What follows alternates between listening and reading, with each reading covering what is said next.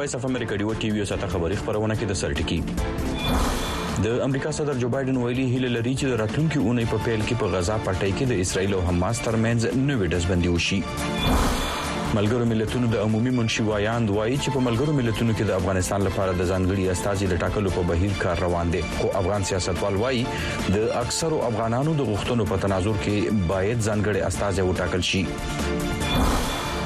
د جرنالستانو تنظیمونو د بشري حقوقو ادارو په پاکستان کې د یو بل جرنالست اسد علي تور په نیولو اندېښنې څرګند کړي او دای د رائے د ازادۍ د حق سرغړونه ګرځولې او د خیبر پښتونخوا په مردان او پیښور کې وسلوالو په پولیسو بریدونه کړي چې پکې د یو لړپوړي افسر اس پی په شمول دوه پولیس وژل شوي او څلور نور ژوبل دي قدرمن اوریدونکو یو شمېر نور راپورونه مرکه به اوري مونږ سره اوسئ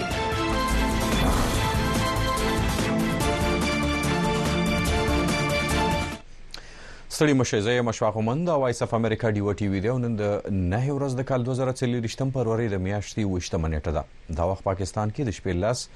افغانستان کې نه نیمې او په واشنګټن ډي سي کې د غرمې دولس بجې دي راځو د نن ورځې مهم خبر پلوته د امریکا صدر جو بایډن د ګل په ورځ ویلي دي چې هیله لري د راتلونکي اونۍ په پیل کې په غزا پټۍ کې د اسرایل او حماس ترمنځ نوې ډزبندي وشي. صدر بایډن دا هیله ځکه څرګند کړې ده چې د یو شمېر هېوادونو پلاوي د تېر کال نومبر میاشتې راهڅې پرله پسې د جګړې د ودرولو لپاره په خبرو اترو باندې مصروف دي. د نور تفصیل لپاره زموږ همکار پیر زبیر شاه صاحب دا وخت مو سره سټوډیو کې ناست دی ورته هرکلی کو پیر صاحب ستړي مشه په خیر علي مننه پیر صاحب د صدر جو بایډن دغه وینا نور تفصیل څه دی چې دا خو یې پرون دلته خبریالانو سره خبرې کړې وې په نیویارک کې او د بنیادي دا خبره کړې وه چې مونږ د چې کوم سلاکار دی د امنیتي چې کوم شورا ده او دلته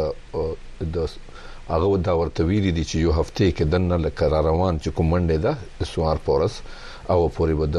خیال دی چې هغه به وشي بیا یو ځل بیا دزبندي به وشي دزبندي خو موږ چې څومره پورې اورېدلی اوسه پورې بنیادی په کې دا خبرې دي چې شپږ هفتې پوره به ډزبندي وي، په دې کې به چې څومره یرغمال کسان دي په حماس سره اسراییلیان هغوی به راخوشې کیږي او ورسره ورسره به چې کوم په سواوې ټرکونه دي هغه به غزا ته دوی پرې اسراییل پریږدي چې امدادي سامان چې کوم دی خلکو کې تقسیم کړي نو دا بنیادي نکات دي نو بایډن دا هم ویلي دي چې موږ هغه سره هم رابطه کې یو او یو خوشبیني اظهار یې کړی دی چې موږ به لکه یو هفته ټایم یې ورکړی دی او موږ ته پته دی اوس اسراییل یو طرف ته دی رفاه چې کوم عملیات دي په هغه باندې دوی وایي چې موږ به هغه کوو خو امریکا ورته وایي چې تاسو لږ وځنډوئ د امریکا لخوا یا د نړۍ د یو شمېر نورو هیوادونو لخوا په جګړه کې د دمې او یا د ډزبندۍ غوښتنې وخت په وخت شوي خو اسرائیل هغې ته غاړه نه ده کېښودې اوس که دا د ډزبندۍ پریکړه کیږي یا دغه اعلان کیږي نو اسرائیل به دغه تغاړه کیدي نو اسرائیل خو ورته پرون چې کوم نتنیاهو خبرې کړې دي هغه دا ویلي دي چې کوم کفرس کدا سه ارزي دزبندي موم شي نو ایمونګ چې کوم د حماس ختمېدو چې کوم پروګرام د ختمولو او بیا په رفع کې دوی دا وایي چې په رفع کې اوس حماس الته غیر دی ولته خلک الته دي نو هغه پروګرام به ایمونګ دغه سی وی نو يو قسم اسرائيل بومه په خيال چې کوم هلته اندرونيم ډير زيات په فشار دی نتنياهو باندې چې کوم کسان دي که تاسو ته ياد وي دوه نيم سوه کسان دوی بوتلي وو په هغه کې سل کسان خوشې کړې شو اول چې کوم ډزبندي شوي وه بيا په کې ديرش نه زيات کسان اسرائيل وايي چې هغه مړه شوي دي چې کوم يرغمال کسان دي نو باقي مانده چې څومره کسان دي هغه به کوشش کوي چې دا زر ته زر راوباسي او څومره پورې هغه د رفاه والا پروګرام دی نو هغه نتنیاهو حکومت خپل وار کابینټ چې کوم د کابینه د جنگي هغه ته پلان وړاندې کړی دی او په هغه کې دوی داسې ښکاري چې دوی برفا کې هم عملیات کوي څنګه به کوي آیا هغه ورفا کې اوس مسله دا ده چې هغه د مصر سره بارډر دی مصر وایي چې موږ به یو قسم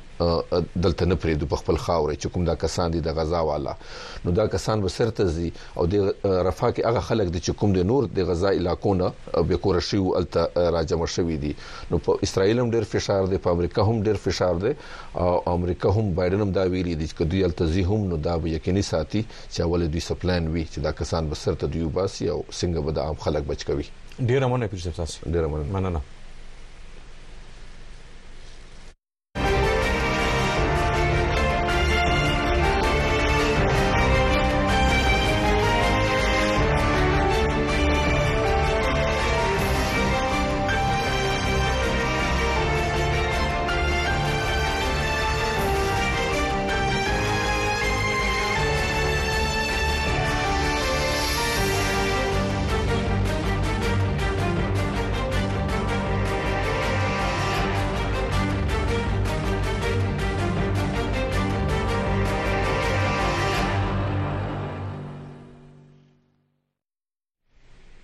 تاسو د وایس اف امریکا ډیو ټي وي یو ساته خبری خبرونه ته غوږی ملګرو ملتونو د عمومي منشي وایان وایي چې په ملګرو ملتونو کې د افغانستان لپاره د ځانګړي استاذي د ټاکلو په بهیر کار روان دی خو افغان سیاستوال وایي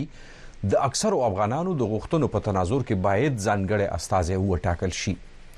په ملګرو ملتونو کې د افغانستان لپاره د ځانګړي استازي ټاکل په څه سبب باندې مهم دي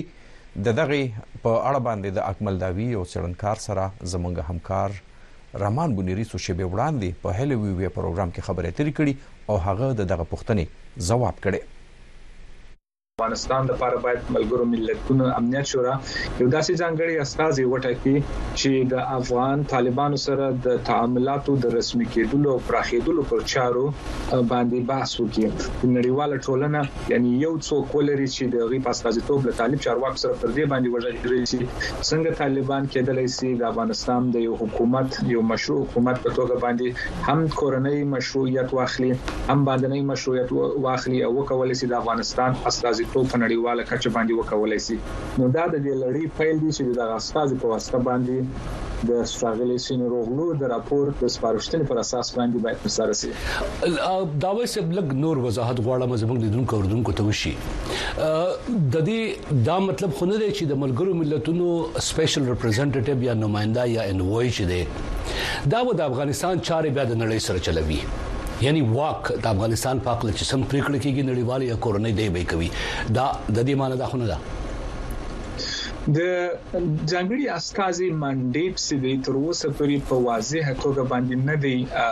نهایی سوی چې د امنیت شورا د تکم واکونه ورکړي په کومه کچه باندې ورکړي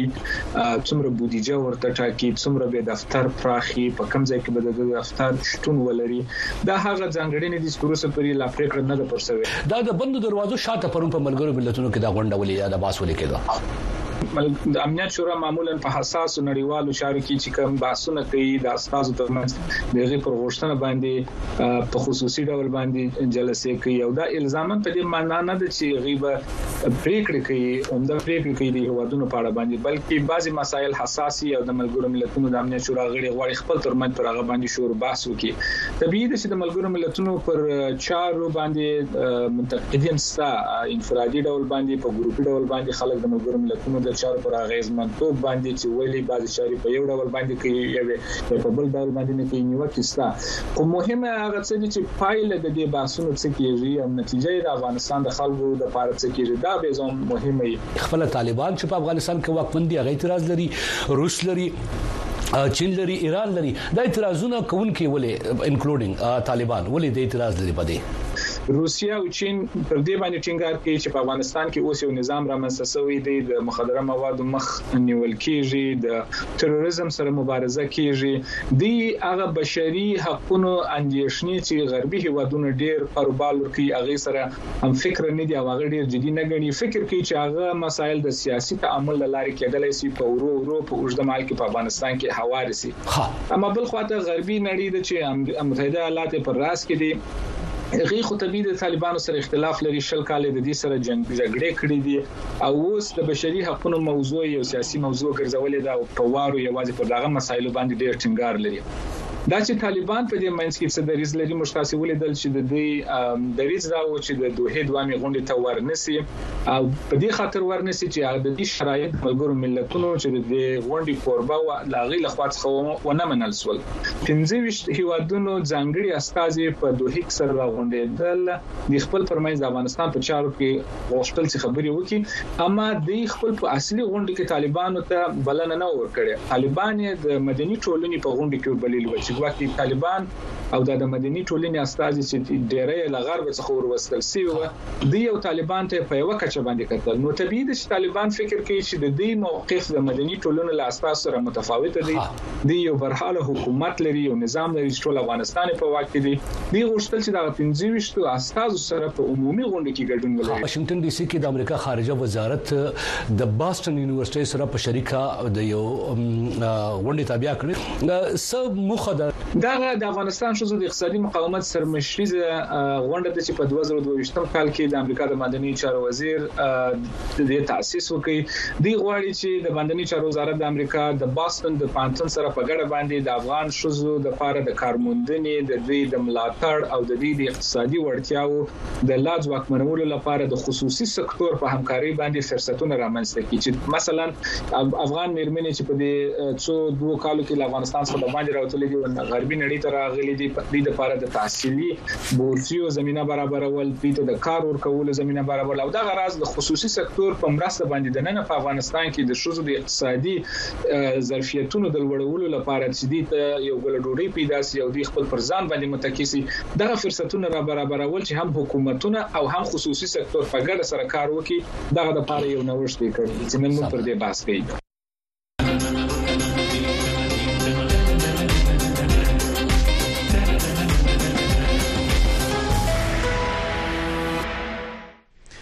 د پیښور های کورټ په شلمه پروري په یو فیصله کې هغه نه جوړو خزو خوندانو ته د پاکستان شهریت د ورکولو امر کړی دی چې د جوړي یو تن پکې پاکستانیانو سره او واده شوی دی قانون پوهان وایي چې هغه غیر ملکیان چې د پاکستانی شهري شهري سره یو واده شوی وي په هیواد کې په قانوني توګه د پاتې کېدو حق لري نور حال په دغه د ډیوه خبريال ارشد مومن په خپل راپور کې تاسو ته وایي د جمیل الرحمن تعلق د افغانستان سره دی خزه پاکستاني ده سلور لونه او درې الکان بچي دي وای اوس ورته د پیښور های کورټ په یو امر کې پاکستانی شهریت ورکول ویل دي جی زموږ زه په پاکستان کې پیدا شوم په پاکستان کې زلوی شوم زما والد صاحب چې په الکتوب کې راغلی دی سر زما د والد صاحب پیدایش په افغانستان کې شوی دی او دا کارډونه چې موږ ته ملو شو الحمدلله موږ ته خوشحالي ملو شو لا چې پاکستان کې اوسېدل لا آزاد ژوند تیر شو کله به حالات خراب شو ته ماجوره لګول به شو لا نو خام موږ ته کور کې ډیره پریشانی و چې دا بس کیږي د جمیل الرحمن په سیر پېښور های کورټ په تیرو وختونو کې په لسګونو هغه افغانانو ته په پاکستان کې د قانوني حیثیت ورکولو امرونه کړي چې پاکستانیانو سره واده شوه دی د دې نه وړاندې شوو پرېکړو په اړه وکیلان وايي، زیاتره فیصلې عملي شوې دي او افغانانو ته په پاکستان کې د پاتې کېدو اجازت ورکړل شوی دی، خو ځینې بیا د قانوني پېچیدګیو له وجې لا هم د هواري په پړاو کې دي. د پېښور های کورټ په خپله پرېکړه کې ویلي، چې د نادرا او د داخله چارو وزارت د پلټنو او قانون ته د کتو نه پس دې په دې پرېکړه عمل وکړای شي. په دې نادرا ارډیننس کې او په دې پي او ار رولز کې دا کلیکټ لیکلي دي چې هر هغه غیر ملکی کس چې هغه نارینه غیر ملکی وي ځنه پاکستانی وي هغه ته د حق حاصل چې هغه ته ګورنمنت اف پاکستان دا کار ورکړي شي یا هغه اپلای وکړي خو شرط پکې دا چې اني می کنټري نه نو سپیسیفیکلی پکې د انډیا ذکر دی دغه نه علاوه هر ملک وګړي هغه دا کارت پر اپلای کول شي دا صرف زنانو لپاره دی کنه چې سړی کسړی غیر ملکی وي خزه پاکستانی وي یا زنانه غیر ملکی وي خاوند پاکستانی وي دوه لپاره سیم شرایط دي په پاکستان کې د زیاتره غیرملکیانو تعلق د افغانستان سره دی. وکیلان وايي، غیرملکیان د قانوني حیثیت میلاوېدو وروسته نه شي کولی چې په ټاکنو کې ووټ واچوي او یا سرکاري نوکري وکړي. پاکستانیانو سره د واده کوونکو افغانانو کډوالو کره شمېره نه ده معلومه، خو د یو این اېچ سي ار شمېرو تر مخه څه کم درې میلیونه رجسټرډ او غیر رجسټرډ کډوال پاکستان کې اوسېدل، او د کډوالو نړیوالې ادارې، آی او ایم، تر مخه د تېر کال پنځلسم ستمبر نه راپدې خوا نږدې پنځه لکه افغان کډوال خپل ملک ته لېږل شوي دي،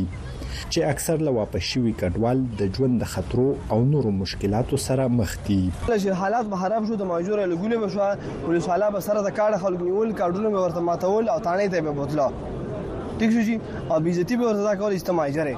کار ساس پیر شوی دی جمیل الرحمن غنی چې تر ډیره حد به د عدالتي پریکړې سره په پا پاکستان کې د پاتې کېدو مشکلات راکم شي خو په لکونو افغان کډوال اوس هم داسې دي چې د قانوني اسنادو لرلو باوجود هم په پا پاکستان کې د یری ژوند تیری ارشد مومن وایس اف امریکا دیوا پیښور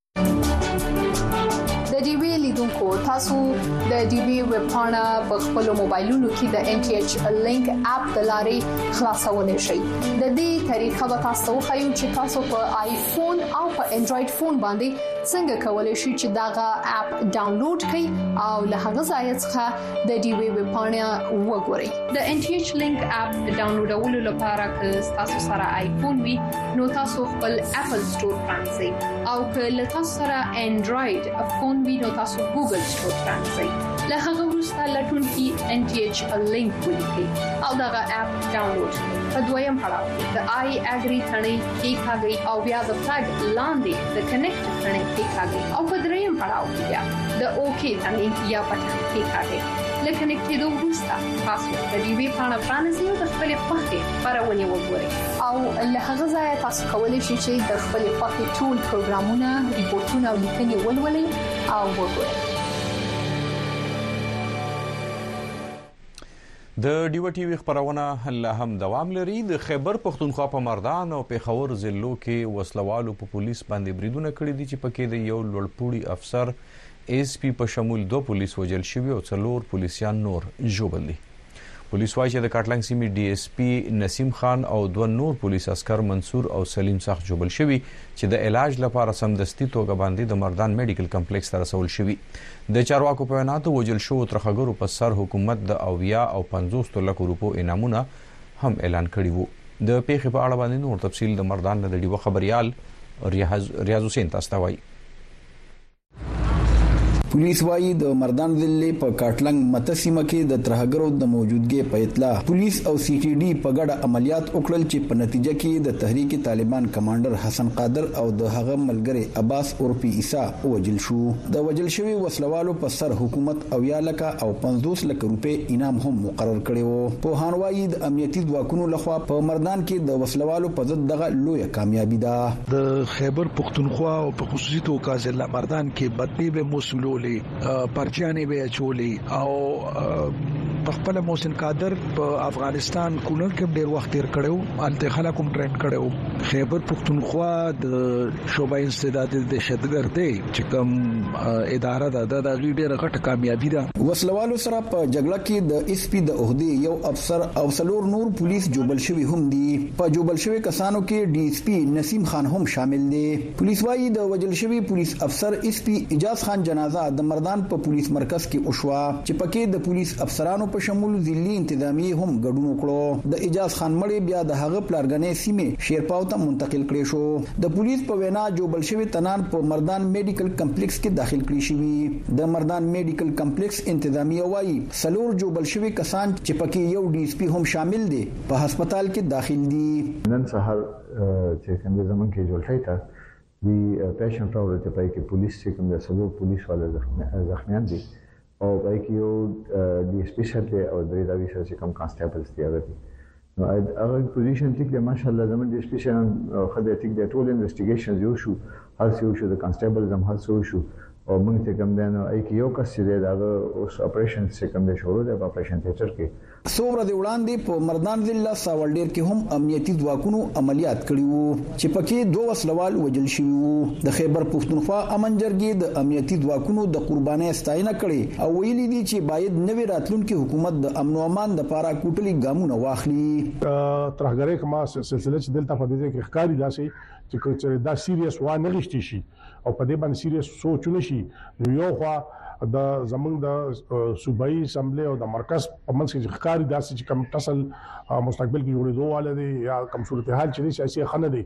نو د دې فائدہ یا د دې بینیفټ به هم دغه خلکو ته دغه وسلوالو ته دغه ترهګرو ته رسی او د هغې ټول نقصان به ټولنې ته رسي. پولیس وايي، تېره شپه د پېښور ښار د پندو تاڼې په حدودو کې هم نامعلومو وسله والو په دوو پولیس عسکرو ډزې کړي چې یو پولیس په کې مړ او بل ژوبل شوی. څېړنیزه اداره سنټر فار ریسرچ اینډ سیکیورټي سټډیز په خپل تازه رپوټ کې ویلي چې د پاکستان دننه تېر کال دوه زره درویشت کې په ترهګریز بریدونو کې درې پنځوس فیصدي اضافه شوې. ادارې په خپل کلني رپوټ کې ویلي، د پاکستان دننه د ترهګرۍ په اته سوه یو کم نوي پېښو کې تر ټولو زیاتې پېښې په خېبر پښتونخوا او بلوچستان صوبه کې شوي. ریاض حسېن، وایس اف امریکا، ډیوه، مردان.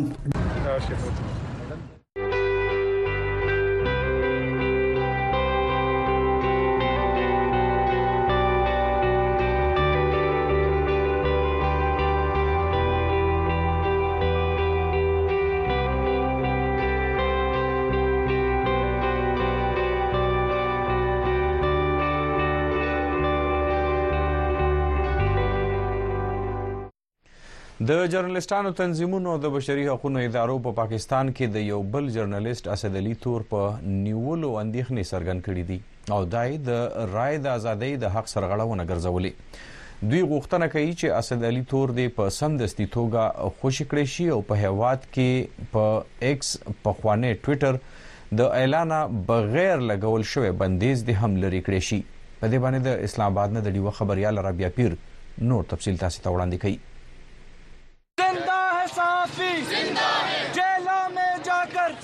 خبریالانو د اسلام آباد پریس کلب مخې ته د اسد علي تور د نیول کېدو پر ضد مظاهره او د هغه د ازادي غوښتنه وکړه اسد تور کو به ان کی زبان بندي کې گرفتار اسد تور د خپل خله پټه ساتلو لپاره نیول شوی دی د دوی د نیولو مقصد د پاکستان جرنلستانو ته د پیغام ورکول دي چی که څوک رښتیا وایی داهه پر ضد به عملیات کیږی. د تحقیقاتو وفاقي ادارې، اېف آی اې، د خبریال اسد علي تور پر ضد د پیمرا اېکټ دوه زره شپاړس لاندې مقدمه ترچ کړې چې پکې تور لګول شوی چې هغه په مبینه توګه په غلطو مقاصدو د خپل سوشل میډیا اکاونټس د پاکستان د حکومتي ملازمینو، افسرانو او حکومتي چارواکو په ضد د ناوړه کمپاین لپاره کارولی. د جوډیشل مجسټریټ مجسټریټ محمد بشیر عدالت نن د سه شنبې یا نهې په ورځ اسدعلي تور په پنځه ورځنۍ جسماني ریمانډ اېف آی اې ته حواله کړو. د اسدعلي تور پر ضد چې کومه مقدمه درج شوې ده هغه د سره پرې لګیږي هم نه، داسې ښکاري چې بغیر د څه فکر دغه مقدمه درج کړل شوې ده، په ملک کې داسې نظام ښکاري چې نه خو څوک عدالت او نه د عدالت حکم مني. کمېټي ټو پروټکټ جرنلسټ، سي پي جي، د پاکستان له حکومت څخه غوښتنه وکړه چې اسد علي تور دي په سمدستي او په غیر مشروط ډول خوشي کړی سي. جو جمهوریت هوتی هې وو صرف. جمهوریت یوازي د سیاست مدارانو له پاره نه دی، دا اوس د واکمنانو له پاره یو ازمایش دی چې دوی خلګو ته د رایې ازادي ورکوې ولې چې خلګ اوس د خپلو جمهوري حقونو لپاره ژغ رابرسېره کوي او د دوی خوله نه سي تړل کېدای. د بشري حقونو تنظیمونه پاکستان د جرنلسټانو لپاره یو خطرناک هېواد بلي او وايي په هېواد کې د انټرنټ او د سوشل میډیا په استعمال هم وخت په وخت قطغنونه لګول کېږي. د عامه انتخاباتو په مهال د انټرنټ پر بندیز، د ملګرو ملتونو په شمول یو شمېر هېوادونو نیوکې کړې وې او دا یې د رایې د ازادۍ خلاف ګرځولی و. پاکستاني چارواکو وویل، دغه ګام د امن و امان ساتنې لپاره اخستل شوی و. که وګورو نو ورځ تر بله د رسنیو پر ازادي بدتره بندیزونه لګول کېږي، که چېرې د حکومتي ادارو پر تګلارو یا په پرېکړو که څوک نیوکې کوي، نو باید د ادارو له اړخه زغم څرګند کړې شي خو داسې نه ده. د اسد علي تور څخه وړاندې بل پخوانی جرنلسټ عمران ریاض هم په تیرو ورځو کې نیول شوی و. په عامو انتخاباتو کې د مبینه درغلیو د الزاماتو وروسته په پاکستان کې د تیرو لسو ورځو راهیسې د ټولنیزه رسنیو پلیټ فارم ایکس پخواني ټویټر ته هم لاسرسي ځنډیدلی ده. رابعه پیر، وایس اف امریکا، ډیوه. اسلام آباد.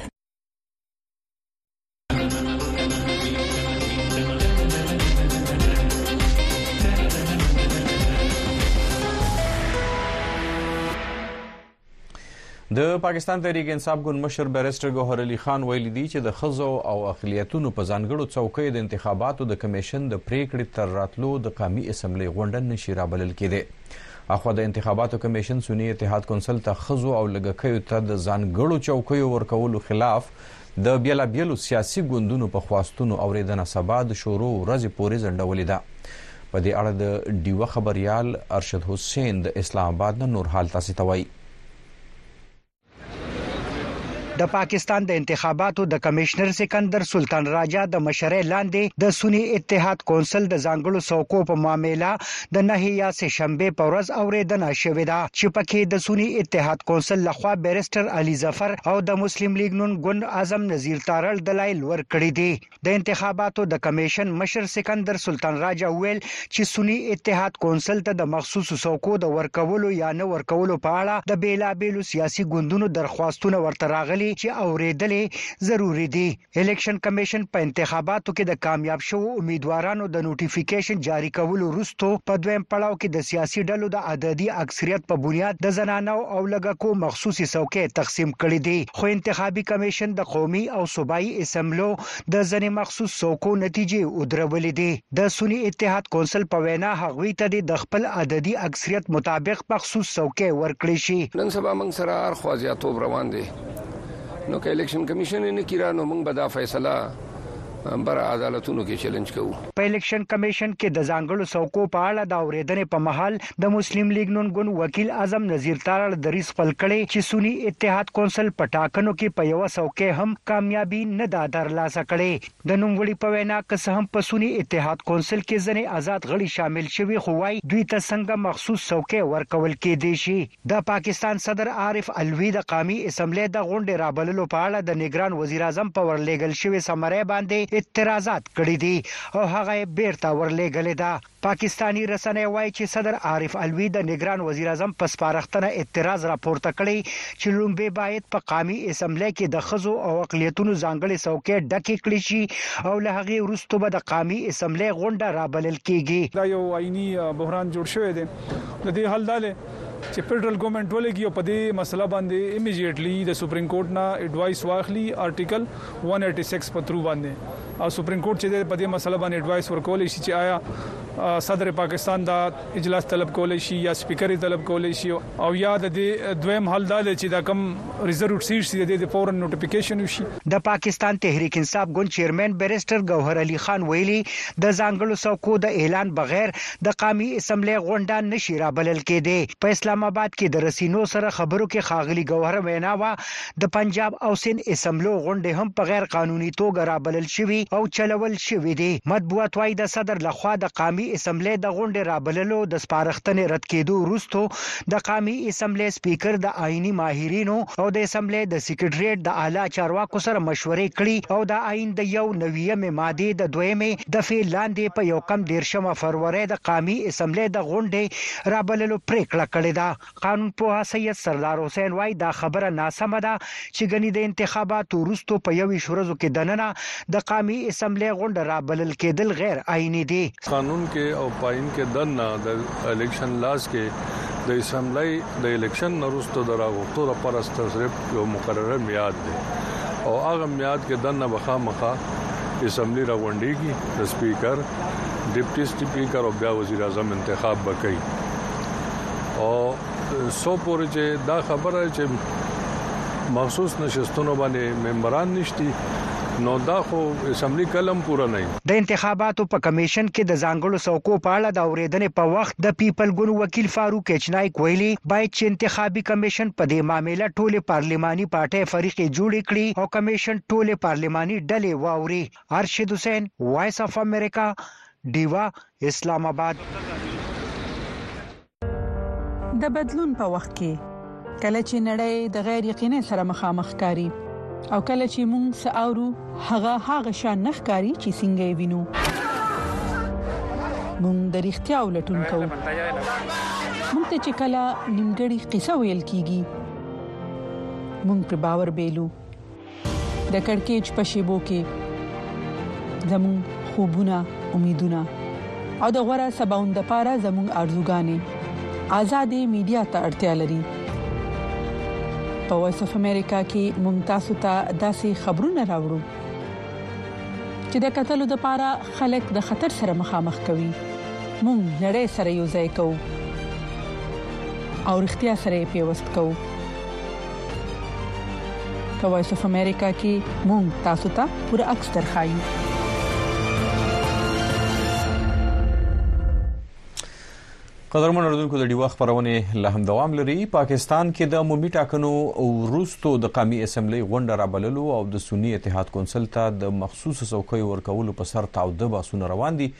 د ډیوه خبریال عثمان خان په پېښور کې په دې اړه باندې د قانونپوهانو نظر اخیستی دی، تاسو ته وړاندې کوو.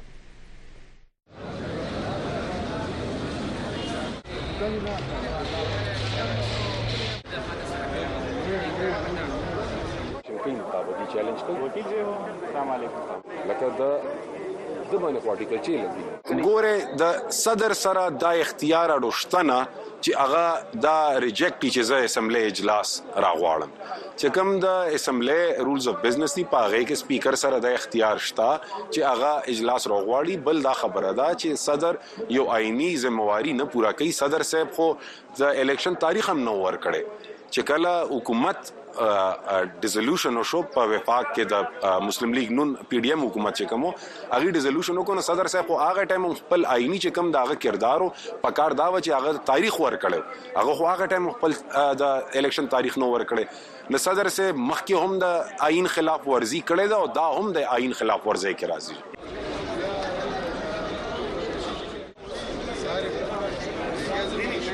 په قانون کې په عین کې همیشه دا گنجائش وی چې یو دروازه بند شي نو بلې دروازې ته بیا پکې دغه کیږي نو که پریزیدنت دا دغه سمری واپس کړي دا نو سپیکر سره دا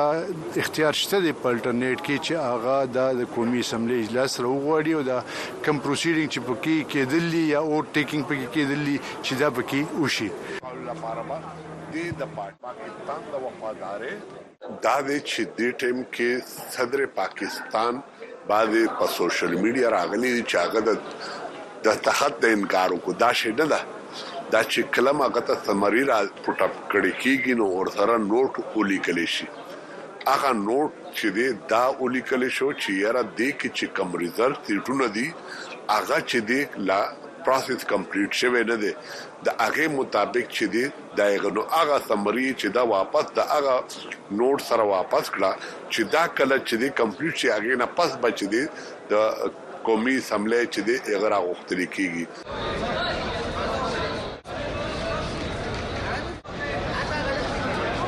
بلکل چی الیکشن کمیشن په ټولی اداری چی چلیږی د آئين لاندې جوړې وي، د آئين لاندې چلېږي، چې د قانون لاندې کومې ادارې جوړې وي، قانون لاندې چلېږي، نو په قانون کې، په آئين کې چې د يو سړي حق جوړېږي، نو په کار دا ده چې هغه اداره، هغه محکمه هغه ته خپل حق ورکړي. همدغه شانتې الېکشن کمېشن که دا سني اتحاد چې کومه پارټي ده، کومه چې دوی آزادو ارکانو جائن کړله، که دا د الېکشن کمېشن سره مخکې نه رجسټرډ وي، اېز ا پارټي، اېز ا پولېټکل پارټي، نو په کار ده چې هغه بيا دوی ته د ښځو د ریزرو سیټونو حق ورکړي. ګوره جي چې کله موږ د ریزرو سیټونو خبره کوو نه زموږ خلکو ته ولس ته پکار ده چې هغوی ته پته وي چې په دوه زره اټاره کې یوه پارټي وه باپ بلوچستان عوامي پارټي د هغوی کینډیډیټس راغله انډیپنډنټس کینډیډیټس راغله په پښتونخوا اسمبلۍ کې او په د باپ هیڅ قسم ممبرشپ په پښتونخوا اسمبلۍ کې نه هغوی هغه جوائن کړو او د هغوی په بیسس باندې هغوی ته مخصوص سیټونه ملاؤ شو الیکشن کمیشن سره داسې څه ډسکریشن نشته چې هغه ووایي چې نه دا سیټونه موږ نه ورکو د قانون مطابق دا د الیکشن کمیشن ډیوټي ده چې دا سیټونه کمه پارټي جوړیږي چې اوس د سنی اتحاد کونسل میجورټي ده هغه کو په پښتونخوا اسمبلی کې موږ ګورو کو بیا په پنجاب کې ګورو نه دا غي په اپوزیشن کې دي خو دا غي سره یو سترنث شته نماینده موجود دي په نېشنل اسمبلی قومي اسمبلی کې هم دا غي دغه سټرنث موجود دی نو پکار دا ده چې الیکشن کمیشن خپل آئینی رول ادا کی او د دې چې کم ریزرو سیټونه راځي نو د هغه نوټیفیکیشن وکي او کوم وګورو نه الیکشن کمیشن په دې باندې پوه ځکه دی چې د باقی سیټونو نوټیفیکیشن هغه کړی دی د ریزرو د دې چې کم حساب جوړیږي د د دې آزاد امیدوارانو چې کم دي دا سونی اتحاد کونسل جوائن کړي نه صرف د اغه ریلیټډ چې کم مخصوص سیټونه دي اغه نه دي نوټیفای شوی او دغه سیس چې کم دي دا زما په نظر کې د قانون مطابق نه دي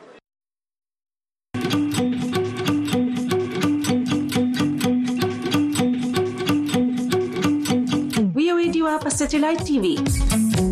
هر ورځ سلویریش ساته په دیشنټینا تاسو په یو ټل سټلایټ په ټي وي تازه تولا او به طرفه خبرونه بحثونه او سیړنی کتلې او اوریدلې شي د یو ټل سټلایټ فریکوئنسي یا سبې او یا بي او یا اشاریه 15 ایست چینل یو سلدري هر ورځ سلوي ساته لډي وسره اوسئ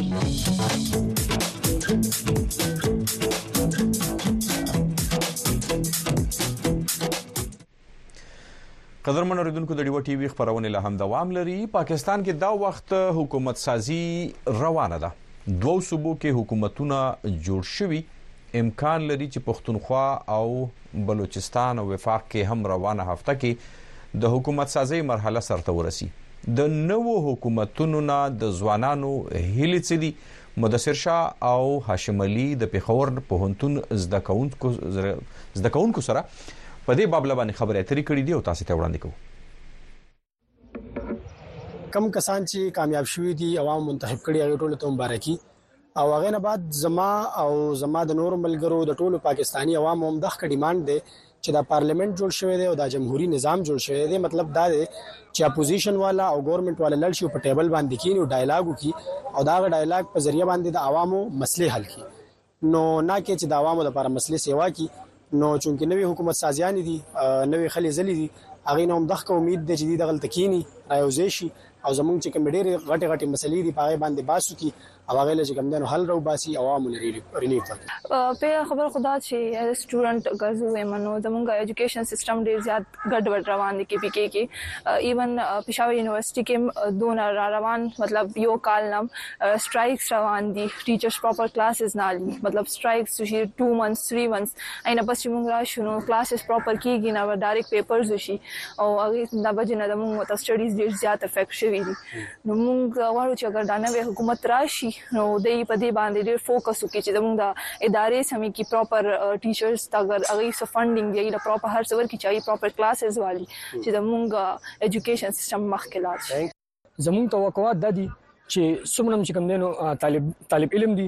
ټول چې کم دینو تعلیم خو کلی ملو شي یعنی جاغي چې کم د دې بیس چې کم دینو د چې کم رائټ نه بیسیک دی یعنی مطلب هغه له هغه پکار دی وسره وسره زمينه تعلیم وسره وسره صحت پکار دی ولا او دې سره چې کم دینو هغه له چې کم دینو تحفظ ملو شي یعنی نن سبا چې کوم نه زموږ په پاکستان کې ټول نه غټه مسله چې کوم نه دام دغه دا چې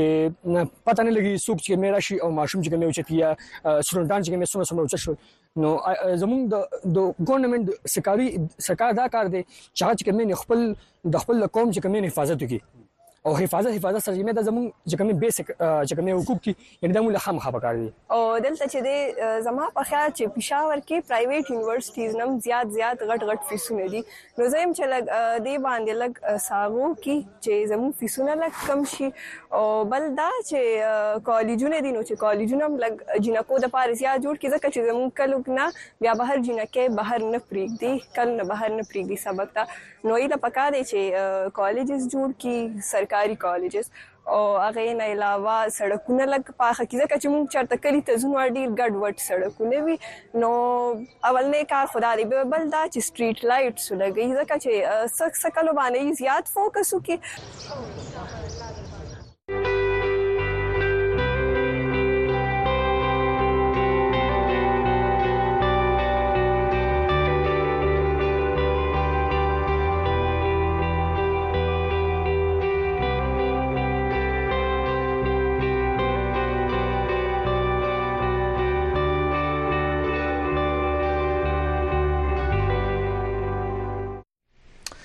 که څه هم په پاکستان کې د ټولټاکنو وروسته په صوبو کې د وزیر لاګانو لپاره نمونه اعلان کړی شوی دی خو د بلوچستان گورنر صوبایي اسمبلی د نوو منتخب شو غړو سوګندونو پورته کولو لپاره د فروری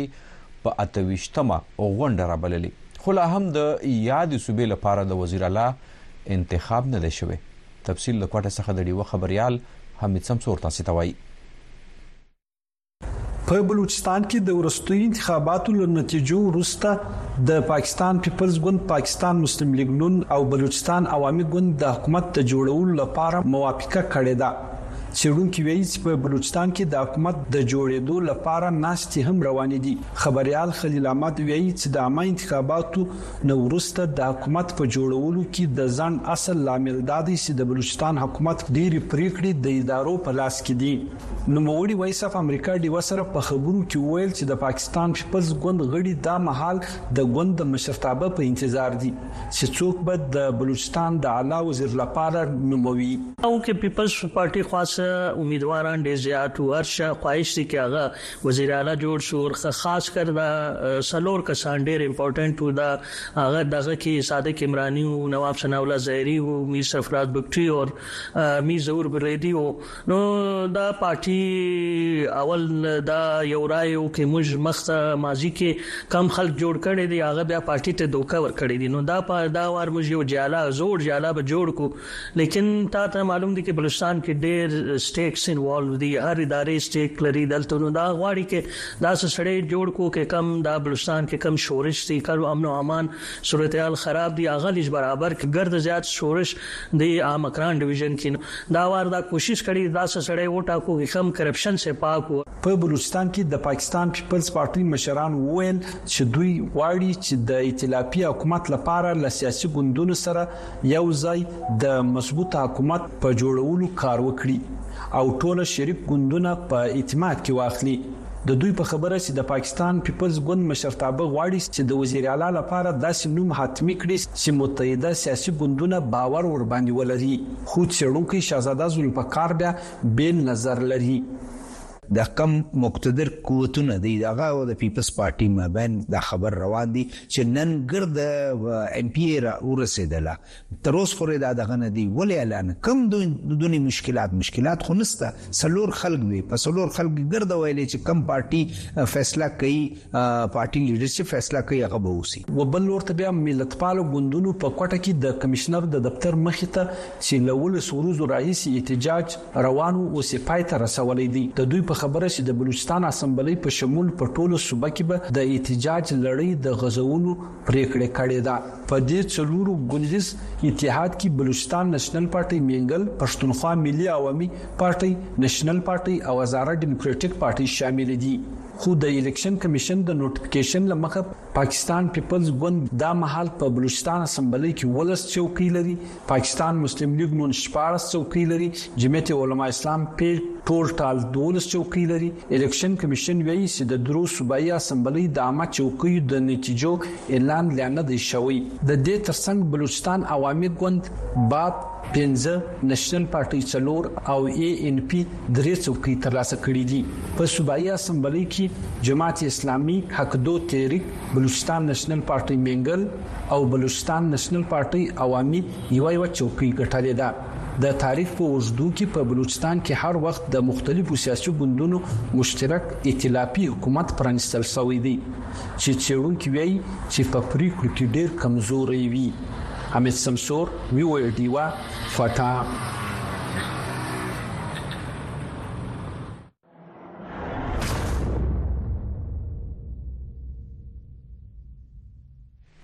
د ډیو ټي وي خبرونه کې اوس د اوکرين پلو ته د امریکا ځواک د اوکرين د ځواکونو روزنه د خپل فند څخه کوي دا یو داسې ستراتیژي ده چې کولای شي د پوز بجټ په اروپا کې متاثره کړي، دا په داسې حال کې ده چې اوکراین خلاف د روس جګړه دریم کال ته داخلیږي. د وایس اف امریکا د پنټاګون لپاره خبریاله کارلا باب راپور تاسو ته زموږ همکار نصرالله خان وړاندې کوي. په داسې حال کې چې کانګرس لا تر اوسه دفاعي بجټ نه دی پاس کړی او نه یې اوکراین ته د اضافي پوځي مرستو په اړه افغان نمایندګان رایه اخیستې، امریکا پوځ یوکراینیانو ته د روزنې لپاره بل تیاروي. دا یو ضروري مشن دی، موږ دې ته شا کولی نه شو او زموږ فوځ به په دې اړه ځینې سختې فیصلې وکړي چې اثر به یې په ټول ځواک وي. د پوځ چارواکي وایس اف امریکا ته ویلي، که چېرې هېڅ بدلون را نه شي، د امریکې د پوځ اروپا او افریقا کې به اوکراین سره د مرستو په شمول هر څه لفاره پڼ ختم شي. چې په کې ګرمۍ کې مشقونه هم شامل دي. د فنډ په دې بحران د پنټاګون پریس سیکرټري سبرینا سینګ وايي چې دا د خطرې نښه ده. موږ یقیناً کمزوري یو. موږ د نوي کولو توان نه لرو. موږ دا هم نشو کولی چې پروګرامونه بدل کړو. دا داسې دي لکه یو لاس چې زموږ شا ته تړل شوی وي او موږ جګړه کوو. لکه څنګه چې څېړونکي په ګوته کوي چې د اوکراین په وړاندې د روس جګړه لا هم په اروپا خطر دی. او که تاسو په اروپا کې د امریکا ځواکونو روزنې او تیاری کمول پیل کړئ نو دا د روس صدر ولادیمیر فیوټن ته یوه بله ډالۍ ده. د کیپیټل هیل پخوانی کارمند براډ بومن وایي، دا یوه ډالۍ ده چې روس به نور هم تیری ته وهڅوي. او نقصان به یې دومره وي چې دې بجټ د اضافي مرستو نه به ډېر سېوا وي.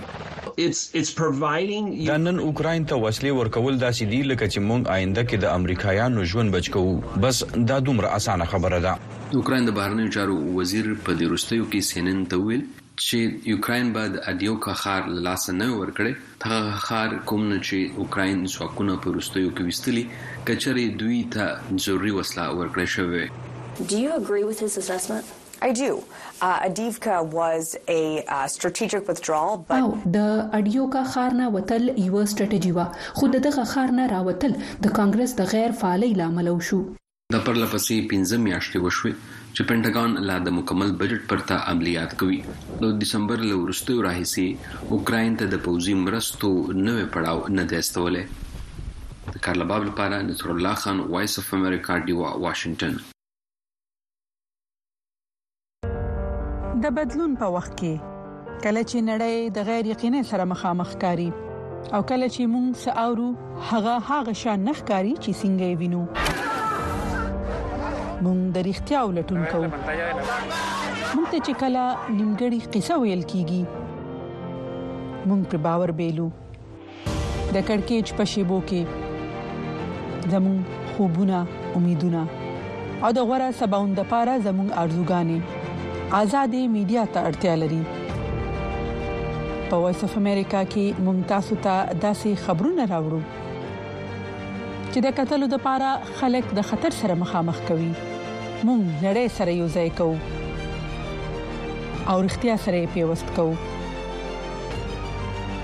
په وایس اف امریکا کې مونږ تاسو ته پوره عکس درخایو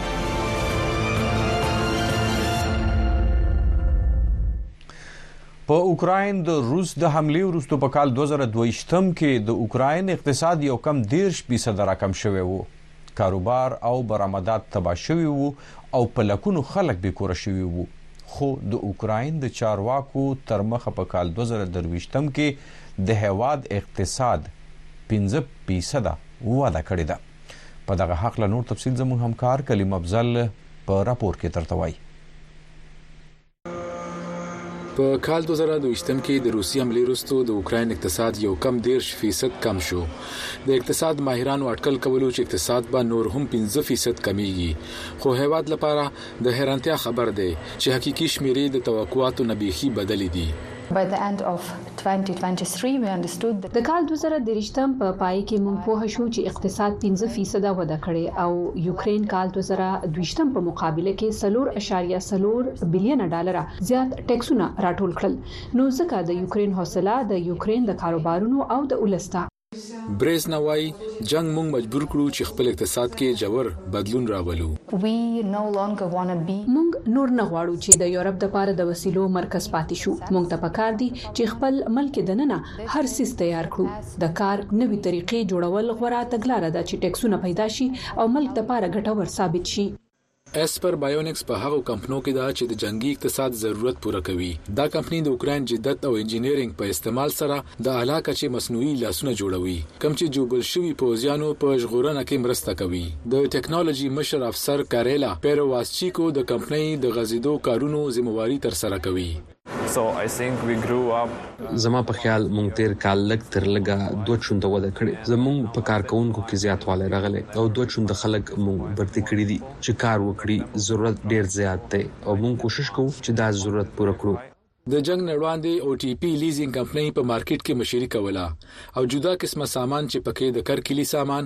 مېډیکل سامان او ګاډي هم په اجاره ورکول خو د کمپنۍ لاټونه چې کییف ته نېږدې وو، نېغ په نېغه د بمبارۍ ښکار شول او ډېر سامان تاواني شو. د کمپنۍ ځینې ګاډي د دفاع په کارونو کې استعمالېږي او نور ګاډي جنګي محاذ ته لېږلو ته تیار دي.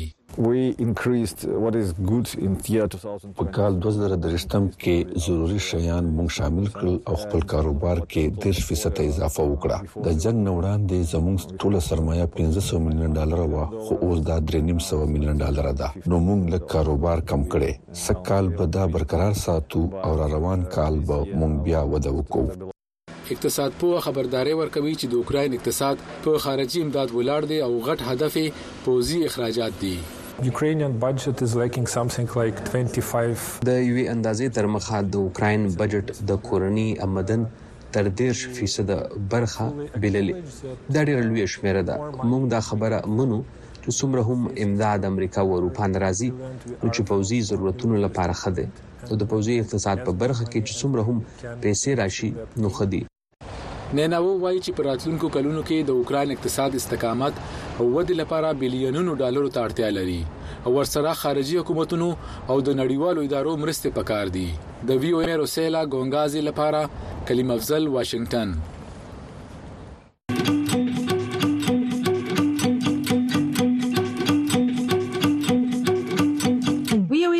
سټلایټ ټي وي هر ورځ سلویریش ساته په ډیشنټینا تاسو په یو ټل سټلایټ په ټي وي تازه تولا او به طرفه خبرونه بحثونه او سیړنی کتلې او اوریدلې شي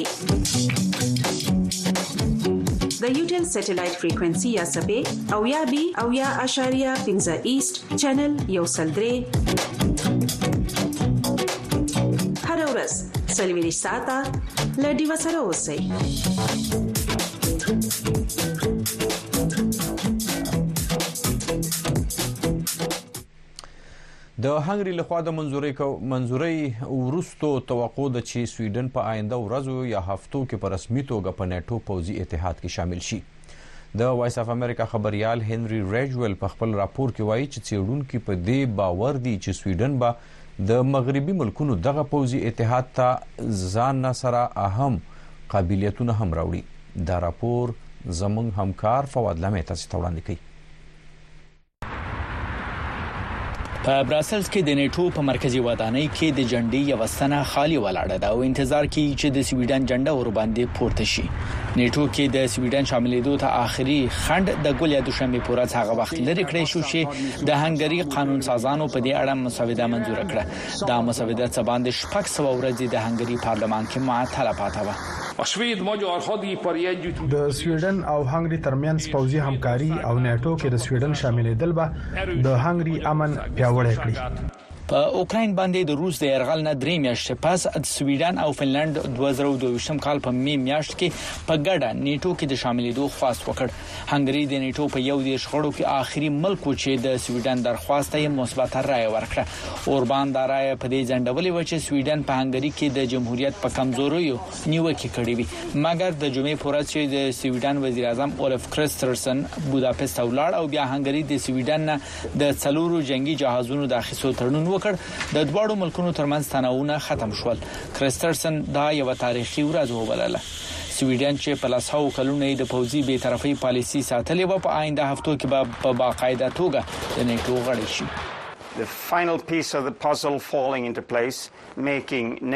د معمې اخري برخه هم په خپل ځای کې برابر شوه او دې سره په نارډیک بالتیک خطه کې د نېټو پوزیشن مکمل شو. سویډن ته په ډله ییزه توګه تحفظ ملاوېږي او د امریکې اټمي قوت یې هم ساتنه کوي. سویډن نټو اتحاد ته ارزښتمن پوځي صلاحیتونه هم راوړي. We have a, a modern air force uh, with um, uh, Gripen planes. مونږ د ګریپن جازونو سره خپل یو جدید فضایی قوت لرو مونږ سره اعلی ابدوزونه شته په خاص ډول داسې ابدوزونه چې د بالټیک سین له شرایطو سره برابر دي مونږ وړوکې خو په اعلی ټکنالوژي سمباله سمندري ځواک لرو لتویا، لتوانیا او استونیا د نیټو تر ټولو کمزوري ملکونه ګڼل کېږي چې د روس لخوا د حملې امکانات پکې شته. څېړونکي وايي، په نیټو کې د فنلنډ او سویډن شاملېدل به د دغسې حملو مخنیوی کوي.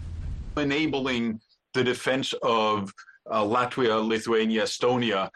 د مختلفو زاویو څخه د لیتویا، لیتوانیا او استونیا دفاع ممکنه کوي. په نېټو کې د فنلنډ او سویډن په شاملېدو سره د سویډن د شمال غرب او لویدیځ له اړخه د غټو او مشترکو فضايي عملیاتو امکان شته او د دې کار په اړه خیال کول یو کال وړاندې ناممکنه وو. وکړ. د اخري رسمیاتو نه پس به په آینده ورځو کې نیټو سره د سویډن د یو ځای کېدو دستوره جوړه کړی شي. د نیټو عمومي منشي ینس سټولټنبرګ د ګلیا دوشنبې پر ورځ وویل چې د سویډن شاملېدل به نیټو ملکونه ټول لا پیاوړي او لا محفوظه کړي.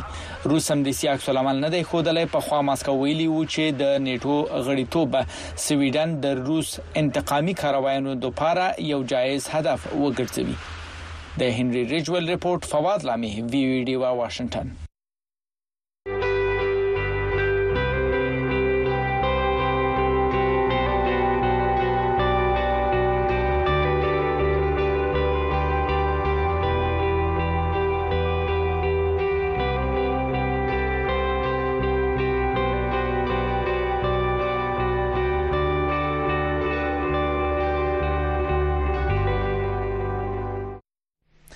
د خیبر پښتونخوا د صحت چارواکو د سخت کال په وړاندې وو هفتو کې د شری ناروغي درويشت سوا کې سونه راپور کړی دي دی وایي چې په دغه ناروغي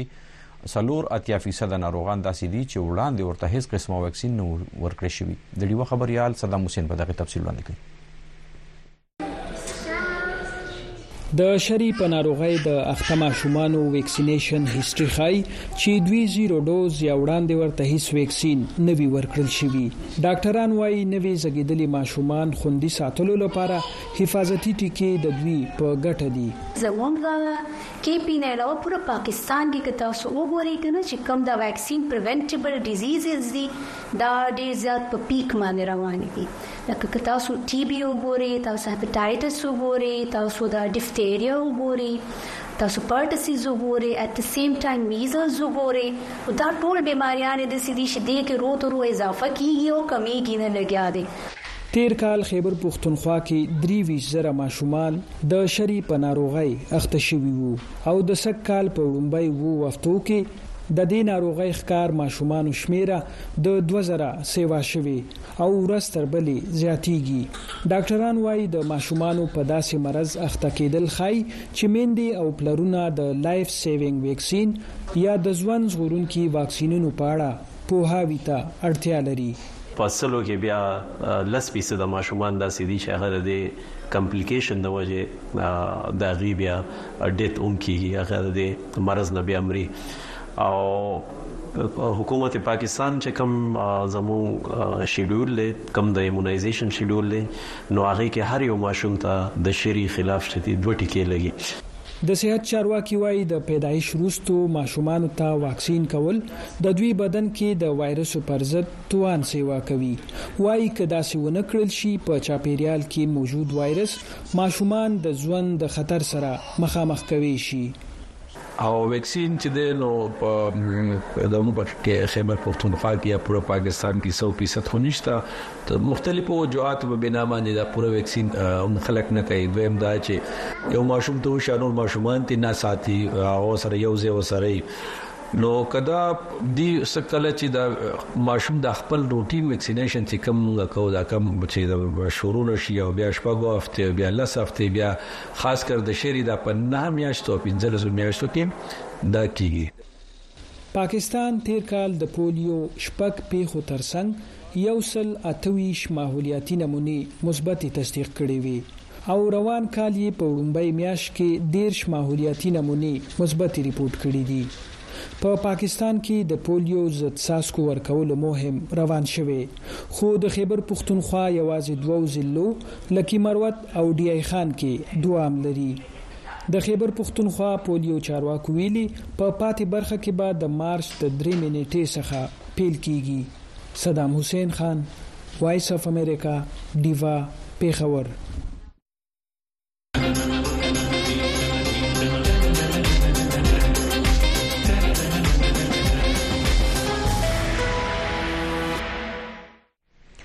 قدر منوردونکو د ډیو ټي وي خبرونه هم په دې ځکه پای ته رسیدي